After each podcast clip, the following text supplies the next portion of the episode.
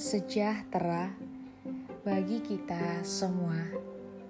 Saudara yang terkasih, hari ini kita akan bersama-sama merenungkan firman Tuhan yang diambil dari Lukas 21 ayat 5 sampai 11. Ketika beberapa orang berbicara tentang bait Allah, dan mengagumi bangunan itu yang dihiasi dengan batu yang indah-indah dan dengan berbagai-bagai barang persembahan, berkatalah Yesus, "Apa yang kamu lihat di situ akan datang harinya, di mana tidak ada satu batu pun akan dibiarkan terletak di atas batu yang lain.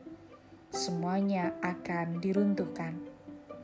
Dan murid-murid bertanya kepada Yesus katanya, Guru, bila manakah itu akan terjadi?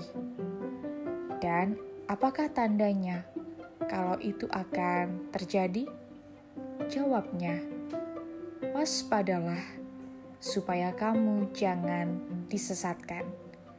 Sebab banyak orang akan datang dengan memakai namaku dan berkata, Akulah Dia, dan saatnya sudah dekat. Janganlah kamu mengikuti mereka.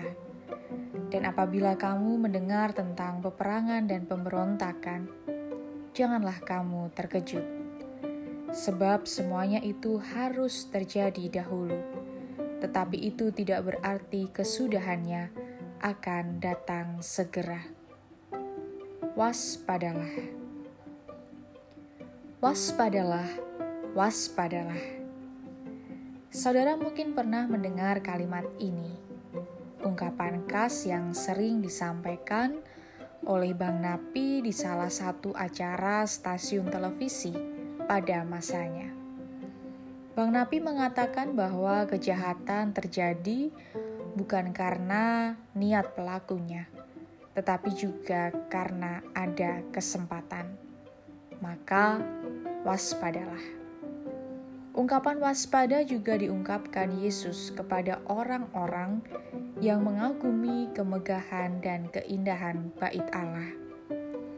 Yesus mengatakan bahwa bait Allah akan diruntuhkan dan itu adalah permulaan penderitaan.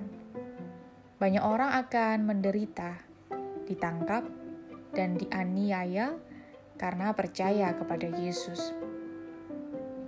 Namun dengan tegas, Yesus mengatakan, jika mereka tetap bertahan, maka mereka akan memperoleh kehidupan.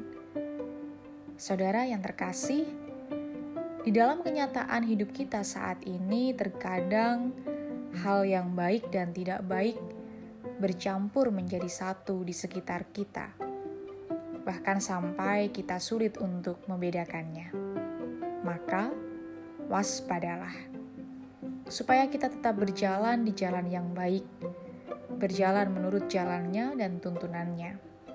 Percaya kepada Tuhan bukan berarti kita bebas dari pencobaan, tetapi berserahlah kepada Yesus dan jadikan Dia sebagai penjurumu yang senantiasa menunjukkan jalanmu, agar terangnya saja yang senantiasa mengarahkan langkahmu. Maka, waspadalah dan jadikanlah Yesus sebagai jalanmu dalam kebaikan. Tuhan Yesus memberkati.